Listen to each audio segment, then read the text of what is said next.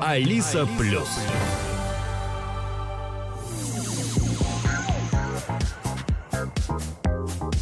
День добрый, уважаемые радиослушатели. На волнах радио Алиса Плюс начинается программа «Диалог с городом». Меня зовут Сергей Каратеев, и ближайшие полчаса в нашем эфире у вас есть возможность задать вопросы мэру. Сегодня Андрей Элкснич в нашей студии. Здравствуйте. Добрый день.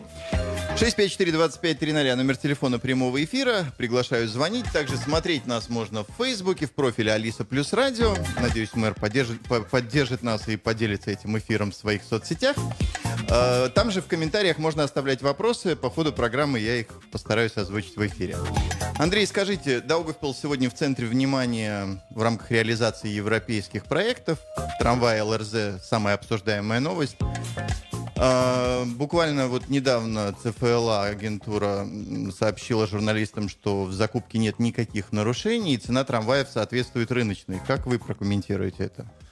Ну, нужно сказать, что достаточно логично, что Даугапилс э, находится в центре внимания э, в связи с тем, что выделено городу достаточно большое финансирование, и на данный момент – именно а, те изменения, которые происходят а, в общественном транспорте города, это замена всего автобусного парка, это а, замена практически всех сетей по трамвайными рельсами и реконструкция Цетушня, реконструкция второго маршрута, реконструкция Смил Шуятника, новая Вайнюдес – помимо этого договор на новые трамваи э, совместного производства ЛРЗ и чешского Прогоимекс, конечно же, достаточно логично, что мы будем в центре внимания, потому что если посмотреть на э, государственную карту, все большие проекты а, по европейскому финансированию в стране по большому счету провалились, или электрификация железной дороги, или, допустим,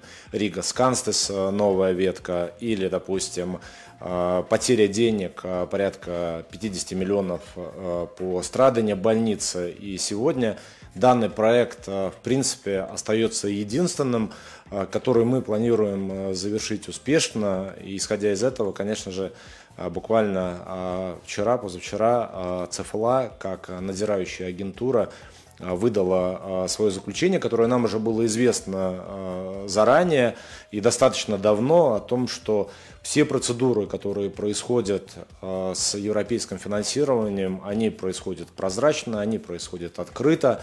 Мы с самого начала реализовали принцип 4, 6, 8 глаз по проведению данных процедур потому что деньги не городские, деньги европейские, и понятно, что все возможные институции будут впоследствии проверять э, любые закупочные процедуры.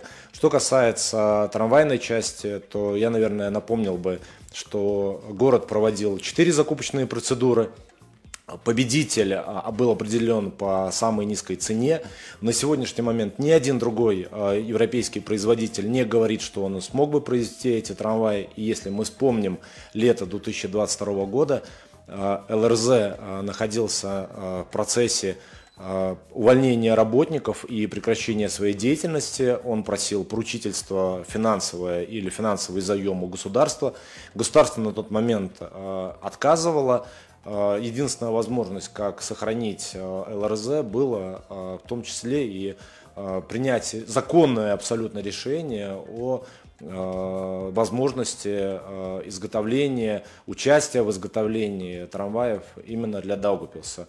А, все а, данные процедуры мы еще на тот момент а, согласовали и с агентурой, которая утвердила и количество трамваев, и стоимость, и с Министерством сообщения, и замминистра участвовал, замминистра финансов участвовал в подписании договора в Даугапилсе. Поэтому я очень рад тому, что по, по кирпичикам э, мы, в принципе, э, развеяли даже самые минимальные сомнения у некоторых э, активистов, которые данный вопрос задали, и соответствующие органы на него ответили. Сегодня у нас впереди завершение всех данных проектов. Они должны быть завершены до конца этого года. Автобусная часть завершена полностью, автобусный парк обновлен полностью. А, по трамваям сегодня идет приемка. Приемка также идет совместно с ЦФЛА, с агентурой, совместно с привлеченными экспертами. Трамвайное сообщение восстановлено будет с 18 ноября, как было обещано, по первому третьему маршруту, используя депо по улице Ятнику. И второй маршрут и Вайнюдес также должны быть завершены до 31 декабря этого года. Это требует э, те нормы и критерии, э, которые определяются европейским финансированием. 654-25-00, номер телефона в студии. Наши радиослушатели подключаются. В наушнике будет слышен вопрос. Здравствуйте, пожалуйста. Пожалуйста. Добрый день. Да, Меня... добрый день. Добрый день. Меня зовут Евгений. Хотел бы э, поинтересоваться, как продвигается вопрос по санаторию Мельсонс. Спасибо. Спасибо большое. Э, напомню сразу же из истории, что в 2021 году э, мы вернули санаторий э, в собственность города. Санаторий порядка 30 лет принадлежал частнику. Второе, что произошло на 22 год, после 21 года, на 22 год у нас были парламентские квоты на финансирование проектирования санатория. То есть э, санаторий не просто восстановительная работа у тех зданий, которые остались, но параллельно и дополнительные здания, а также решение вопроса а, водопровода и канализации, учитывая необходимость отдельно мышцамся создавать, в том числе и очистные сооружения. А, в 2023 году, исходя из того, что а, поменялось правительство в парламенте, город потерял поддержку в лице одного из министров, который, э, это был министр от консерваторов э, Эглотис, который поддерживал э, выделение финансирования именно на проектирование. Сегодня мы рассматриваем возможность по новому периоду европейского планирования привлечения европейских средств на развитие. Это первый момент. Или второй момент – это подготовлено уже портфолио самого проекта, и мы находимся в поиске инвестора, Э, вместе которым, совместно с которым мы могли бы данную территорию развивать. Сразу же нужно сказать, что э, финансирование э, достаточно большое, необходимо. Мы можем или большим инвесторам закрыть всю затратную площадку, то есть это реконструкция, это новое здание, это приведение порядок всей территории, или же мы в рамках э, нынешнего, нынешних новых проектов по крупице, как по Лего, будем собирать данный проект, э, консервируя и реконструируя отдельные части зданий на данной территории. Но глобально Э, городу необходим инвестор. А своими силами однозначно на сегодняшний момент, чтобы у нас не получилось как э, со СПА в Резакне, мы позволить это себе не можем. 654-2530, номер телефона прямого эфира. Сегодня мэр Даугавпилса Андрей Элксниниш э, готов ответить на ваши вопросы. Совершенно смело звонить. 654-2530. А как обстоят дела со строительством ТЭЦ-2? Успеем в сроки? А, строительство ТЭЦ-2 идет а, по графику. Также до конца года должен быть завершен проект. А, после завершения проекта начнутся наладочные работы. Я думаю, что учитывая стоимость сегодня природного газа и пропана, которая в среднем в 2-3 раза выше, чем той же ЧП, теплосети в марте, в апреле смогут подать заявку на понижение тарифа на теплоэнергию, учитывая, конечно же, на тот момент стоимость энергоресурсов и тот объем, на который вторая станция сможет повлиять. Сразу же надо отметить, что вторая станция запускается только зимой и только в отопительный сезон. В летний сезон у нас работает э, только станция ТЭЦ-3 на щепе. Следующий вопрос будет из эфира. Здравствуйте, пожалуйста. Здравствуйте. Добрый день. У меня вопрос к мэру. Пожалуйста, задавайте. Я живу Малая Погулянка, Мефенсе, около Мефенса. И я инвалид, меня инсульт. Не могу добраться до... Ну, сказал ко мне ключи, купи дрова, и они потом часть даем и оплатят. Были бы мне деньги, я не просил бы ни у кого помощи никакой. А так мне купи дрова, дай чек, а тогда они оплатят. Что мне делать? Зима уже, мерзну. Ну, в первую очередь, э, социальная служба может оплатить э, данного рода пособие по дровам только когда будет на руках чек. То есть без чека, к сожалению, учитывая строгую учетность пособий, ни один из социальных работников не может принять решение, как бы это не хотелось бы ему, мне или кому-либо. Но мы сделаем так, что я попрошу коллег подъехать к вам и на месте побеседовать и помочь в данной ситуации. 654-25-00, номер телефона в студии. Следующий вопрос из эфира. Здравствуйте. Да, да. Пожалуйста, Добрый ваш вопрос день. к мэру, пожалуйста. Добрый день. Добрый. Скажите, пожалуйста, как на, нам по, по Риту улице проход будет там на, на, на центральную улицу в, в данный момент – для машин уже проезда нету в конце улицы, там от, от, от гаражей до, до центральной улицы. А, а людям пройти по этому участку можно, там частный ну, участок. Ну, если частный участок э, пройти нельзя, э, но попросим, на данный момент точно не отвечу вам на ваш вопрос, но попросим управление коммунального хозяйства проверить, и также мы с вами свяжемся и расскажем, э, что будет в отношении именно данной проблемы, которую вы указали. Еще вопрос из эфира. Здравствуйте, пожалуйста. Добрый а, день. Добрый день. Добрый. Хотел бы уточнить после проведения проекта Юдовка э, освещение вопроса и асфальтирование. Перспектива какова? Благодарю. А, улица Лела заасфальтирована, а, улица Лела освещена. А, на сегодняшний момент по тем местам, ну, по промежуточным улицам идет подключение. Срок подключения продлен до того момента, пока по конкретным улицам э, не подключатся все жители к домам, асфальтирование там не произойдет, чтобы два раза не разрывать то, что уложено. Это первый момент. Тут, наверное, напишите мне лично по конкретной улице. Это раз. Два. То, что касается освещения, на сегодняшний момент коллеги из Комитета развития хозяйственного готовят проектную документацию для того, чтобы участвовать в том числе проектом э, по э, получению финансирования на обновление освещения. Это касается не только Юдовки, это не Грива, это касается по большому счету всех микрорайонов. Еще вопрос из эфира. Здравствуйте, пожалуйста. Здравствуйте, Андрей. Э, от лица жильцов, которые живут недалеко от Олимпийского центра, хочу поблагодарить вас и Игоря Алексеева за тротуар по улице Стадиона. Большое спасибо. Но вот еще один вопрос. Вы когда-то обещали э, в сквере рядом с Олимпийским центром заменить нам мусорники на более высокие, чтобы вороны и чайки не, не, это, не растаскивали мусор в озерко. Очень тут у нас сквер. И мамочки гуляют, родители с детьми, с колясками гуляют, и пенсионеры, и просто жильцы. Ну, что вы скажете на это? А, я скажу, что а, после передачи позвоню руководителю Олимпийского центра, потому что данный парк находится в ведении Олимпийского. Руководитель новый, ретивый, а, надеюсь, исправит быстро.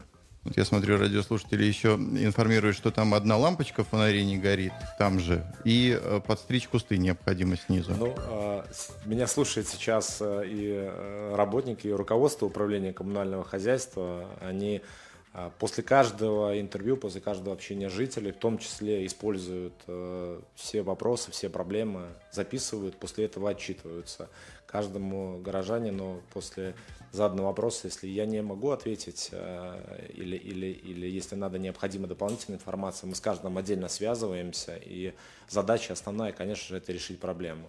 Если можно решить, решаем, если невозможно, тогда, конечно, предоставляем информацию, что нужно делать, когда будет, какой план действий. Следующий телефонный звонок. Добрый день, здравствуйте, пожалуйста. А, здравствуйте. Пожалуйста, задавайте ваш вопрос. У меня такие вопросы имеются. Ну вот э, говорят, что больницы все банкроты, банкроты, да. А вот почему вот все на Украину отправляют? И скорой помощи по 61 автомобиль. И все по, по миллионам отправляют на Украину. Нет бы все самим бы там оформить как-нибудь. Ну, автомобили вот от пьяных забирают все на Украину. Это не совсем горо- городской вопрос, конечно. А, такое решение, а, но э, так, если коротко, совсем э, за рулем пить нельзя. Тогда никому ничего не будут отправлять. 654-25-00, номер телефона прямого эфира. Город получил финансирование на новую снежную трассу в Стропах. Об этом мечтали, наверное, года с 2017 -го. Расскажите подробнее, что это будет, когда это будет. А, идея 2017 года, а, как сейчас помню, а, активистов, особенно господина Монского, которые горящими глазами 6 лет назад рассказывали о том, как в Стропах, в Стропском лесу было бы круто сделать лыжную трассу по подобию Маданы, так как никакого рода альтернатив ближе, чем Маданы, э, здесь нет. И нам потребовалось 6 э, лет для того, чтобы прийти к этой идее. Был разработана, была разработана проектная документация, и а, в начале этого года мы подали э, проект на финансирование, на получение европейского финансирования на данный проект э, по программе «Латлит», программа приграничного сотрудничества между Латвией и Литвой. Доказали, что массовый вид занятий, доказали, что это занятие полезно а, для здоровья, особенно для маленьких детей. А, в ближайшее время у нас будет создана такая проектная группа, где суть реализации данного проекта – это создание искусственного снега, подведение воды именно в Стропской лес для того, чтобы там данные коммуникации использовать и Э, снежными пушками создавать искусственный снег, после чего его, конечно же, ретраками э, разгонять э, по всей трассе. Должно быть интересно. Я думаю, что к концу следующего года данная трасса в Стропах появится. Там вода у нас есть? Она же использует. А, воду по проекту запланировано брать из озера Строп. 654-2530, номер телефона прямого эфира. Сегодня мэр Даугавпилса Андрей Элксович готов ответить на ваши вопросы в прямом эфире. 654-2530. А на какой стадии привлечения средств на новый индустриальный парк на территории бывшего аэропорта? Город борется там за 10 миллионов евро? А, ну, начнем, наверное, с того, что э, я придерживаюсь, э, как раньше говорил, э, концепции, что э, летать э, мы скоро однозначно не будем. Э, более того, э, при отсутствии или государственного финансирования, или э, частного инвестора, создание аэропорта – это утопия. Поэтому здесь мы немножко поменяли вектор развития данной территории в направлении создания индустриального парка – а, то есть э, новых производственных зданий. А, сегодня в городе у нас э, порядка пяти индустриальных зон. У города в рамках этих зон своей недвижимости практически нет. Предлагать инвесторам где-то создавать новые рабочие места мы ограничены в своих возможностях. У нас сегодня активно развиваются предприятия которым даже а, в рамках нынешних индустриальных зон не хватает места, будь то это или Латвия Смайзникс, или Зиглер, или, допустим, тот же самый Аксон, или, или Пульсар. И поэтому мы приняли решение о создании индустриального парка на территории а, бывшего аэропорта а, в Лоциках. То есть предметно мы должны говорить о создании новых рабочих мест там, сегодня город э, участвует э, ну, в конкурсе э, по получению, привлечению европейского финансирования на реализацию данного проекта. То есть государство приняло решение, что по всей территории Латвии будут создаваться новые индустриальные парки, и на каждый регион выделено 20 миллионов евро. 20 миллионов евро выделено в том числе и на Латгалию. Негласное соглашение есть о разделении данной суммы пополам, половина Даугапилсу, половина Резекна. Даугапилс сегодня борется по большому счету за всю сумму, за все 20 миллионов и планирует построить там порядка 10 тысяч квадратных метров новых производственных площадей. Еще один вопрос будет из эфира. Здравствуйте, пожалуйста. Алло. Да, пожалуйста, ваш вопрос в эфире. А, я такой скромный, ну, вопрос. А будет ли елочка у нас настоящая около дворца? Так, дворца ДКХ. Так красиво у нас ДКХ, теперь все, а елки нету никогда у нас. Около ДКХ вы имеете в виду? Да, да. А, у нас будет а, в этом году а, большая елка на центральной площади а, по принципу, которым э, мы следуем последние два года. Сегодня будет третий год. А, она будет другая. А по сравнению с прошлым годом, я думаю, что все мы удивимся и порадуемся, в том числе и украшению площади Единства и, центра города. Параллельно этому, в том числе, у нас дано указание начать разукрашивать, и должны тоже появиться елочки, в том числе и по микрорайонам. Я точно не скажу, в каком месте на химии, но должна быть, но я проверю по ДКХ. Еще вопрос из эфира. Здравствуйте, пожалуйста. Здравствуйте. Добрый день. Меня интересует такой вопрос. Вот по улице Валмерас, это улица между Смилшу и Ятнику, да, она идет параллельно. Там в районе домов, значит, 63 61 71 большущий, метров 40 дуб растет. Я не о том, чтобы его как бы спиливать, нет, а вот сформировать крону, обрезать вот это вот. Потому что был вот ураган, такие ветки наломало, накидало. Кто этим может заняться? Этим э, занимается управление коммунального хозяйства. В штатном э, расписании есть лесник, э, по решению, заключению которого происходит любое действие, которое связано с деревьями у нас в городе.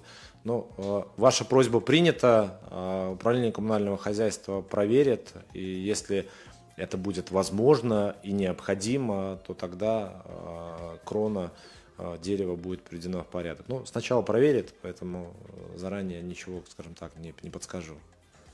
Добрый день, пожалуйста, ваш вопрос в эфире. Добрый день.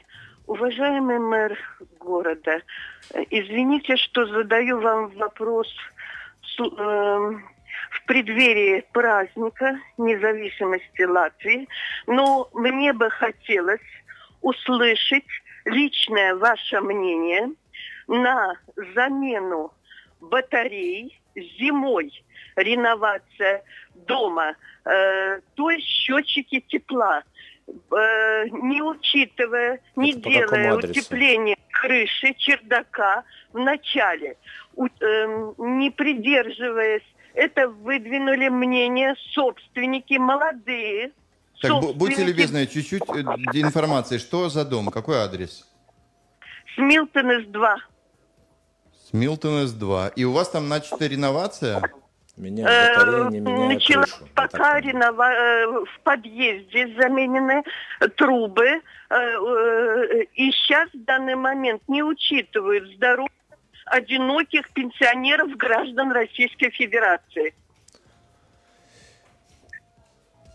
Спасибо за вопрос. А, ну, а, первое. А, не нужно извиняться за вопрос, это абсолютно нормально. Более того, нет такого периода, Э, перед э, Днем независимости, 8 марта или чьим-то день рождения, когда э, нужно или не нужно задавать вопрос. Вопрос нужно всегда задавать тогда, когда он есть. Это первый момент. Второй момент. Все, что касается жилищной собственности, нет абсолютно в законодательстве никакого критерия гражданин, не гражданин, гражданин Российской Федерации или любого другого государства. То есть это не относится.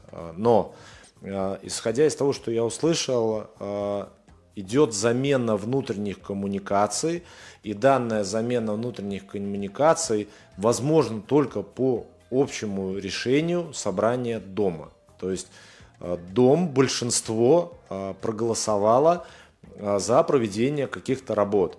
в таких ситуациях, э, конечно, есть очень много проблем, которые достаточно житейские. Вот я когда прихожу во двор и встречаюсь с жителями, в основном как это происходит. Те, кто живут на первом этаже, порой им не надо делать крышу. Кто живет, э, э, скажем так, посерединке, тем не нужно делать торцевую стену. Э, те, которые без детей, тем не надо детскую площадку, кто без машины, не надо стоянку. И вот дом сам по себе живет такой своей жизнью. И в данном ключе город, я или кто-либо другой не может повлиять на решение дома по а, приведению а, какого-то ну, себя в порядок, будь то внутренние коммуникации, крыша, чердак, торцевые стены, окна, батареи или, или что-либо угодно, что связано именно с домом, потому что это является общность самого дома. Но что делаем мы в этой ситуации? Первое, мы пытаемся разъяснить жителям о том, что у каждого, каждому дому было бы достаточно хорошо, если будет старший по дому, старший по подъезду, и будет план развития дома. Распишите 3-5 лет вперед, что дом будет делать. Второй момент. Для того, чтобы определить последовательность и для того, чтобы интересы всего дома были бы учтены. Второй момент. Город предлагает целый спектр э, разного рода софинансирования на а, приведения порядок и, и дома, и благоустройства территории. И нам важно, чтобы дом использовал бы эти программы, дома использовали бы эти программы. Нам важно, чтобы в доме был бы мир, чтобы в доме был бы мир и благодать среди жителей, и все могли бы в рамках общего собрания принять решение и использовать финансирование. Когда мы видим, что дом идет вперед, и, и, и, и приводит себя в порядок, то город а, в, а, в том числе а, в отдельных ситуациях принимает решение о дополнительной поддержке. Ну вот, допустим, сейчас пошел дом большой, уже завершилась реновация на Шаура, около 100 квартир, 50% жителей, 50% альтум, провели несколько закупок, произошло удорожание, жители хотели отказываться, город им помог, добавил да, денежку. Или, допустим, на Новом Форштате дом принимает решение, делаем тротуар, проезжую часть, город берет, делает, предположим, освещение. То есть у нас на каждый дом, на каждую территорию есть план. Что вам нужно делать в этой ситуации? Что вы можете делать? Вы можете, а, ознакомиться а, с, проект, с протоколом собрания дома, который рассматривал этот вопрос, это раз. Два, выяснить, кто старший по дому, встретиться с ним, обсудить. Три, написать сами заявку о необходимости ремонта, предположим, сначала крыши, а потом только батарей. Э, четыре, э, попросить, чтобы данное публичное обсуждение было бы, предположим, э, вставлено в один опрос. То есть голосуем одновременно за крышу и, и, и за батареи, да, и, и выбираем или первое, или второе, или одновременно оба. То есть этот вопрос в целом зависит именно от вашего дома, но исходя из вашего, допустим, звонка, я ознакомлюсь, попрошу, чтобы мне прислали бы протоколы, и меня предприятие уведомит, что там произошло достаточно давно ожидает слушатель своего выхода в эфир. Здравствуйте, пожалуйста. Алло. Да, пожалуйста, ваш вопрос в эфире. Здравствуйте. Значит, я буду медленно говорить, чтобы понятно было.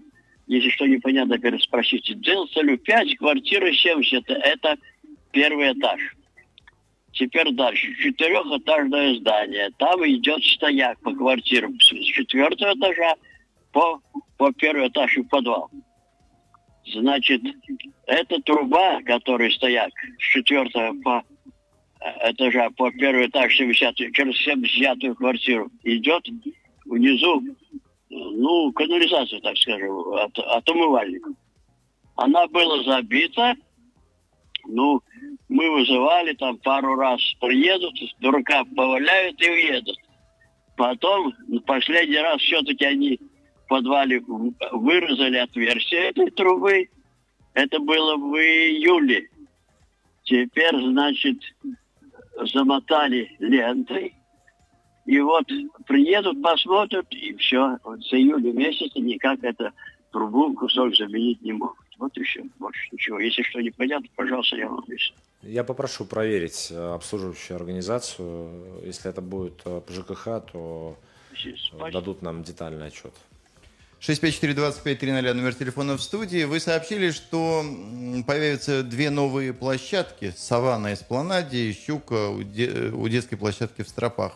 Что это за проект?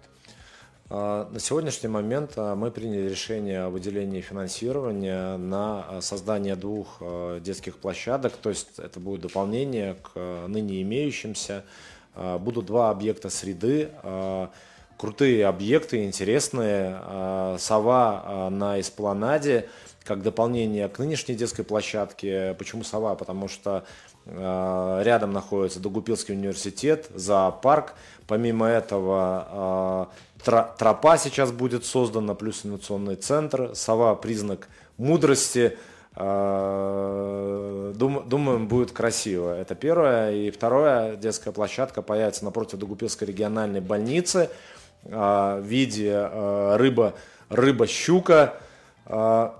Размеры сова высота 3,6 метров, рыба высота 4 метра, а, длина 11 метров, то есть появятся достаточно большие а, новые детские площадки а, по принципу, ну, как так, такого, такого рода еще, еще не было у нас. Это первый момент. Второй момент, у всех будет сделано хорошее основание, и, и, и не нужно будет, скажем так, беспокоиться ни, ни о песке или о щепке, как сделаны некоторые исторические площадки в городе. Поэтому будет интересно, круто к 1 июня э, должны работы быть выполнены.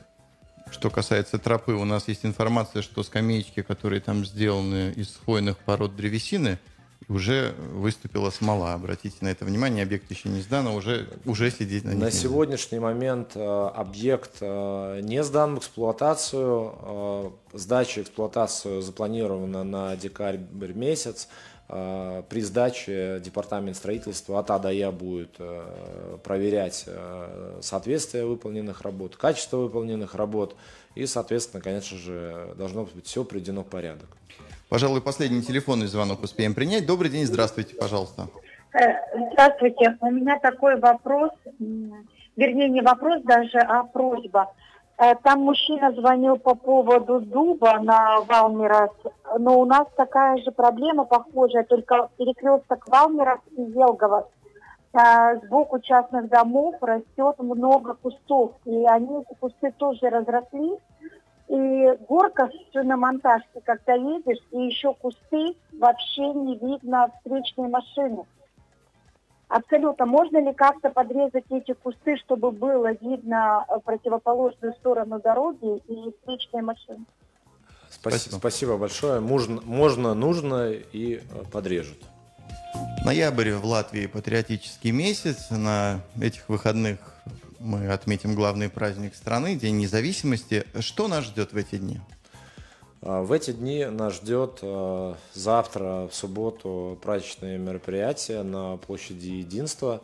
А, также предусмотрено, что будет лазерное шоу.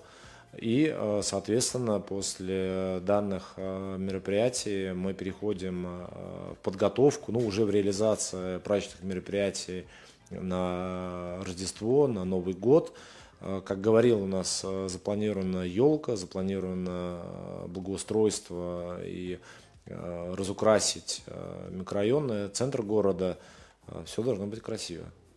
На этом все. Время, отведенное для нашего эфира, истекло. Мэр Даугавпилса Андрей Элкснич был сегодня гостем программы «Диалог с городом». Спасибо и до свидания. Спасибо большое. Всех с наступающими праздниками и всем хорошего дня. Программу провел Сергей Каратьев. До свидания. Диалог с городом на радио Алиса Плюс.